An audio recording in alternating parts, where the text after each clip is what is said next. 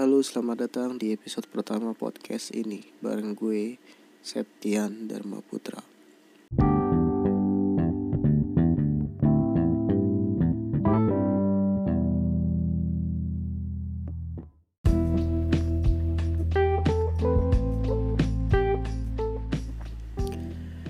Podcast pertama gue yang gue buat yang gimana gue gue pengen belajar buat podcast buat menyuarakan kegelisahan atau keresahan yang ada di dalam lubuk hati.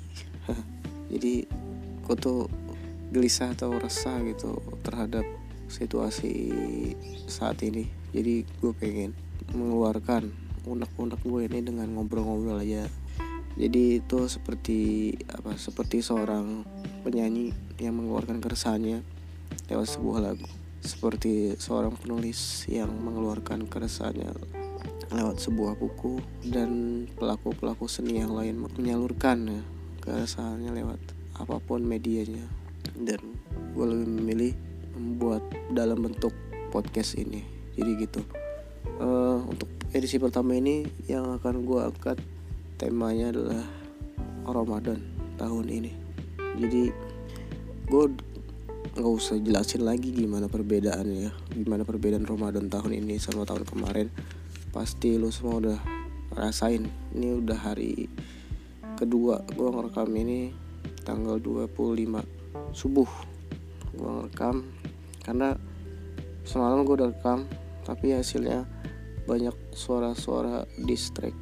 Dan sebelumnya mohon maaf juga kalau misalkan nanti ada suara karena ini kamar gue nih tepatnya di pinggir jalan. Jadi mungkin ada beberapa motor yang lewat.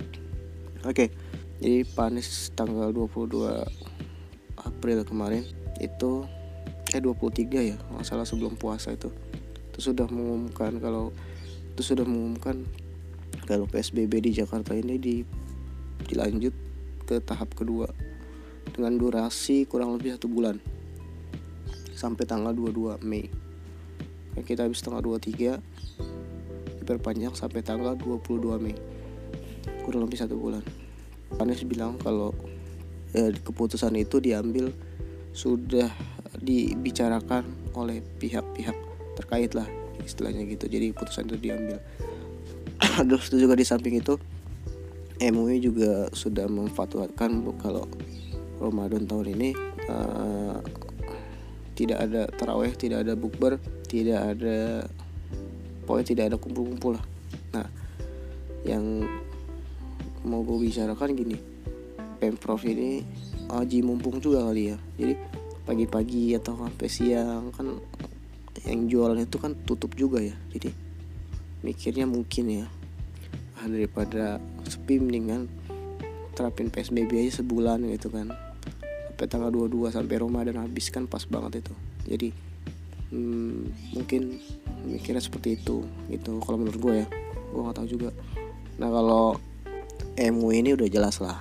Kalau yang wajib aja yang sebelum Ramadan wajib itu di dianjurkan di rumah dulu. Nah apalagi yang teraweh yang hukumnya sunnah. Jadi pastinya kalau yang wajib aja suruh di rumah apalagi yang teraweh MUI juga menyarankan untuk tidak ada buka bersama di masjid masjid buka bersama di rumah saja. Terus yang biasanya kegiatan bikin sahur on road sahur di jalan itu ditiadakan juga. Hmm, tapi gini nih yang jadi problem itu gue ngeliat yang ngeliat ya lihat beritanya di beberapa masjid itu yang masih melaksanakan sholat taraweh.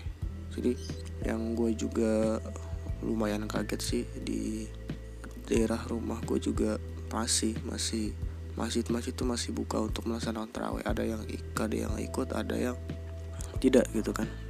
Tapi untuk diri gue sendiri ya gue ikutin aja lah. Demi kesehatan siapa pun di sini. Gue nggak mau egois sama diri gue sendiri. Jadi gue ikut aja anjuran dari pemerintah dan MUI kayak gitu. Dan gue nggak menyalahkan masjid-masjid dan orang-orang yang masih melaksanakan terawih di masjid ya. Gue nggak pernah menyalahkan tapi ada baiknya mikir ulang tolong di udahlah kita ngalah untuk kesehatan bersama jadi kan kalau pemerintah kan dituntut untuk uh, tindakan cepat tindakan tegas. Nah kalau kita dituntut untuk disiplin. Soalnya apa? Dalam pandemi seperti ini yang jadi pemeran utama itu kita masyarakat. Petugas kesehatan atau petugas medisnya itu di paling belakang. Jadi kalau bukan kita yang bertindak medis tuh bakal kewalahan. E, maka dari itu udahlah berpikirnya kalau mau cepat ini masalah ya udah kita nurut aja gitu. Jangan sampai kita nggak nurut kita pentingin ego kita. Ya ini lama ini bakal lama. Sedangkan lu teriak-teriak sana sini pemerintah nggak peduli. Tapi di samping itu diri lu juga nggak peduli atas himbauan pemerintah kan. Kayak gitu. Sekali lagi ya gue nggak pernah ngelarang tapi uh, menyarankan saja yang terbaik untuk semua. Kalau gue jujur gue menganggap diri gue ini carrier jadi gue menganggap diri gue itu sudah terkena ya walaupun jangan sampai tapi gue menganggap diri gue tuh sudah terkena ya jadi gue nggak boleh ke mana-mana. Nggak boleh ketemu siapa pun nggak ada. Udah gue isolasi diri di rumah. Sekapanpun itu gue nurut kayak gitu. Jadi yang gue takutin sih bukan diri gue tapi yang gue takutin itu orang lain yang rentan terhadap penyakit ini. Seperti orang tua orang yang punya banyak penyakit bawaan atau komorbid gitu. Nah ada lagi yang seru itu larangan mudik dan pulang kampung. Presiden dalam acara Mata Najwa diwawancara oleh Najwa Sihab tentang uh, kurang lebih pertanyaannya orang yang pulang kampung dari Jakarta ke kampung itu masih banyak gitu. Dan presiden langsung respon itu beda. Itu mudik. Langsung sontak kan bukan hanya Najwa Sihab yang kaget tapi seluruh masyarakat Indonesia wow ternyata kita baru tahu kalau mudik sama pulang kampung itu beda ya. Dari kita selama ini dibodohi berarti kamus kamus itu salah ya? Mudik dan pulang kampung itu beda loh. Dan muncul lah beberapa banyak meme gitu, eh meme gitu kan. Apa ya salah satunya gini. Pas uh, ada razia terus di razia kena razia orang mau anda kenapa mudik uh, mudik itu dilarang? Terus dijawab sama pemudik ya saya bukan mudik saya pulang kampung pak polisi. Oh silakan kalau pulang kampung silakan anda lewat kan jadi apa ya ambigu. Padahal secara secara apa ya kalau dibilang secara teori ya sama. Jadi perpindahan penduduk dari Jakarta ke kampung ini kan sama. Orangnya dia berpindah ke kampung. Kan yang dibahas itu pun dibahas mengenai virus. Kan sama mau dia waktunya mau dia apa. Kan bukan itu. Tapi kalau menurut gua nih tadi Pak, Presiden tuh beda. Karena apa tadi? Kalau yang mudik itu eh kalau yang pulang kampung ya. Pulang kampung kenapa dibolehin? Karena dia itu punya pekerjaan di sini. Dan dalam situasi ini dia nggak kerja jadi buat apa dia di sini? Lebih baik pulang kampung ketemu keluarga. Tapi yang dilarang yang mudik yaitu yang pulang kampung karena kebiasaan tahunan biasa lebaran di rumah gak ada keluarga atau di rumah atau di sini pun masih kerja misalkan ya dia pulang kampung aja gitu ikut ikutan atau apalah atau khawatir atau itu itu yang nggak boleh. Tapi pertanyaannya gimana kita bisa ngebedain dia mau mudik atau pulang kampung gitu? Masa setiap orang harus ditanyain kamu mudik atau pulang kampung? Gitu kan. Kamu punya keluarga atau di rumah atau gimana? Gitu. Kamu mudik bukan uh, saya cuma pindah pindah rumah pak. Enggak. Tapi kan kita nggak bisa bedain orang itu mudik atau pulang kampung. Ya secara logika ya kalau seperti itu orang banyak ya. Ketika di Raja banyak yang bilang saya pulang kampung bukan mudik. Kayak gitu kan. Uh, terus itu dalam tadi gue udah jelasin juga uh, pengertian dari Pak Jokowi dan ya menurut gue itu seperti apa. Nah ada satu lagi orang. Satu orang yang menurut gue nggak ada otak ya. Gue nyebutnya nggak ada otak. Gue nggak berani nyebut orang itu bego. Ceplosan kan jadi ini orang idiot yang ngomongin tentang agama. Jadi orang ini berani-beraninya dia nge-tweet di Twitter. Tweetnya seperti ini kurang lebih ya. Uh, sebelum gue kasih tahu tweetnya gue kasih tahu namanya. Ternyata gue searching searching siapa sih gitu kan yang berani-berani itu kayak gini? Ternyata namanya lu catet nih ya namanya Rudy Valinka. Rudy Valinka ini adalah penulis buku. Yang bukunya ini gue nggak mau sebut buku apa. Silakan kalian searching saja di Google. Dia menulis buku apa si Rudy Valinka ini? Gue nggak mau komen untuk bukunya tapi gue mau komen tentang twitternya ini. Dia nge-tweet kurang lebih seperti ini dia menyarankan agar MUI Majelis Ulama Indonesia dalam hal ini ngeluarin fatwa peniadaan puasa karena pandemi karena situasi uh, pandemi virus corona. Dia bilang kalau puasa kan bisa diganti sama membayar fidyah uh, ya membayar fidyah dan memberi uh, fa makanan fakir miskin. Aduh gue nggak ngerti. Dan gue juga pengen tahu nih orang agamanya apa gitu. sampai-sampai ngomong seperti ini. Dan gue gue juga pernah baca ada di negara mana gue lupa. Ada orang juga yang pernah mengusulkan seperti ini ke pemerintah mungkin dia mencontoh atau dia nggak pernah baca ya atau dia atau dia kurang pinter ya. Kurang pinter apa sih namanya nggak pernah baca nggak pernah mau mengerti dan asal ngomong asal jebak. Sampai uh, respon Gus Miftah juga agak nyelekit sih. Ada orang bodoh ada orang idiot yang bicara tentang agama. Orang bodoh orang idiot tapi bicara soal agama. Ini lebih dalam loh Gus Miftah ngomong ini. Lebih dari gue yang tadi kan. Lagi ini orang kurang apa mungkin kecilnya kurang dikasih asi atau gimana gitu kan. Main ngomong seenak jidatnya aja.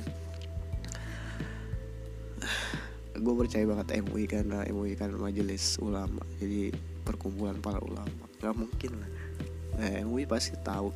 Jangankan MUI kita yang istilahnya apa orang-orang biasa itu tahu lah kalau puasa itu wajib gitu. Mau lu mau dalam keadaan perang mau dalam keadaan apa juga puasa ya wajib puasa ya puasa. Kecuali syariat Islam yang membolehkan kita tidak puasa.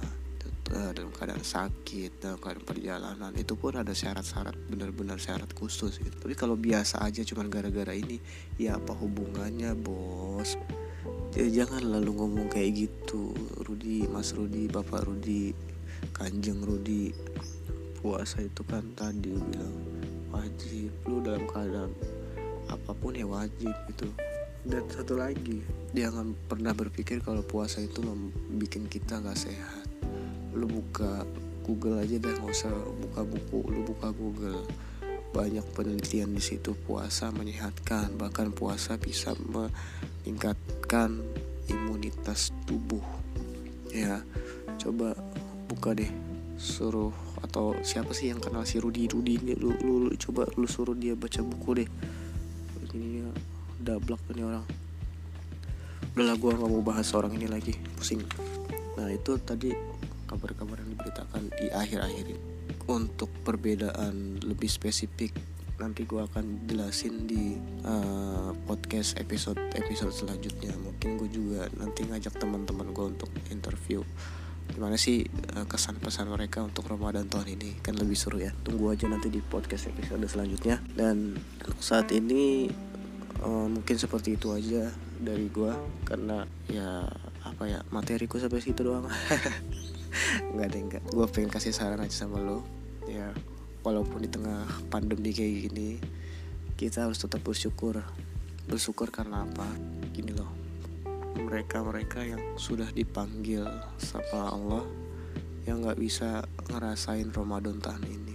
Kita udah dikasih nikmat sehat nikmat umur apa pun banyak yang nggak kehitung nikmat lainnya yang nggak bisa kita rasain.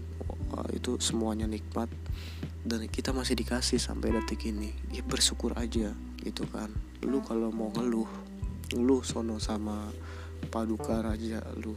Siapa paduka raja lu udah dikasih segala macam lu ngeluh gitu. Mendingan lu aduh gue pengen ngomong kasar jadi nggak enak. Lu lu coba lihat lu dokter. Lu coba lihat yang kemarin meninggal ibu-ibu. Lu aduh banyak yang nggak bisa makan banyak segala macam. Sedangkan lu coba di rumah aja tapi ngeluh gitu. Lu ada uang tabungan segala macam. Jadi coba untuk bersyukurlah sedikit pun jangan sampai rasa bersyukur itu hilang dalam benak kita. Sih goalsnya atau tujuan-tujuan kita Ramadan tahun ini yang khatam Quran segala macam yang belum tersampaikan di Ramadan sebelumnya coba anggap Ramadan ini adalah Ramadan terakhir. Kalau gue tetap Ramadan ini adalah Ramadan terakhir untuk menjomblo Amin dan gue berdoa Ramadan. Ini adalah Ramadan yang terbaik tapi untuk tahun ini gue tetap berdoa. Ramadan ini adalah Ramadan terakhir gue untuk menjomblo. Yang pokoknya mudah-mudahan kita semua ditemui Ramadan Ramadan Ramadan selanjutnya. Amin. Uh, ngomong apa sih tadi gue ya Allah. Ngalor gitu lagi tuh ya. Oke. Okay. kita semua paham. Ilmuwan juga udah mengatakan kalau pandemi ini nggak tahu kapan kelar kapan selesai. Bahkan ada yang bilang setahun setahun juga yang gue yakin ini virus nggak bakal hilang dari muka bumi. Nih lu logika yang sudah ada vaksinnya itu juga masih kan? Nah tapi kalau untuk hilang dari muka bumi itu ya nggak mungkin nggak mungkin. Minimal kita meminimalkan hmm, penyebaran ya minimalkan situasi ini jangan janganlah janganlah terus menerus seperti ini. Negara-negara lain sudah ada yang survive dari kondisi seperti ini dan dia sudah bisa memulai aktivitas secara normal lagi. Contohnya Tiongkok mungkin Vietnam atau apalah. Ayo Indonesia bisa harus optimis terus. Yang tadi gue bilang di awal untuk kepatuhan tolong jangan berpikir kalau diri lo benar. Karena ini bukan masalah satu atau dua orang. Ini masalah semua. Kalau dari diri lu aja lu masih nggak patuh nggak disiplin sama uh, aturan pemerintah ya gimana lu uh, gimana lu mau mengasih contoh ke orang lain gitu. Ini masalah semua orang bukan masalah pribadi. Jadi gue bisa ngomong ya ini tuh ayah alien masyarakat Indonesia bahkan masyarakat dunia bersatu untuk melawan ini. Bersatunya dalam hal disiplin. Udah putus rantai uh, tekan angka penyebaran yang uh, positif di karantina. Kan logikanya kalau udah di karantina ini penyakitnya ke mana-mana gitu kan. Ya udah gitu masalah konspirasi atau apa udah ya ya yang nggak tahu lah pokoknya intinya yang bisa kita lakuin lakuin. Jangan sampai kita bandel dan imbasnya ke kita kita juga ke orang lain yang kita sayang ke orang lain yang kita cinta gitu. Lu mau sembuh gak sih? Eh lu mau sembuh. Lu mau semua ini selesai gak sih? Kalau mau semua ini selesai ya ayo. Dimulai dari diri lu sendiri. Jadi jangan sampai lu mau selesai tapi nggak mau untuk disiplin. Oke okay, kalau bagiku itu dulu ya untuk episode pertama ini. Terima kasih atas atensi. Ah nggak atensi sih nggak ada yang denger juga kan podcast apa ini? Podcast abal-abal ya tapi oke okay lah. Gue udah cukup uh, ngeluarin unek-unek gue untuk saat ini. Dan unek-unek selanjutnya akan gue uh, buat di episode-episode selanjutnya. Uh, thank you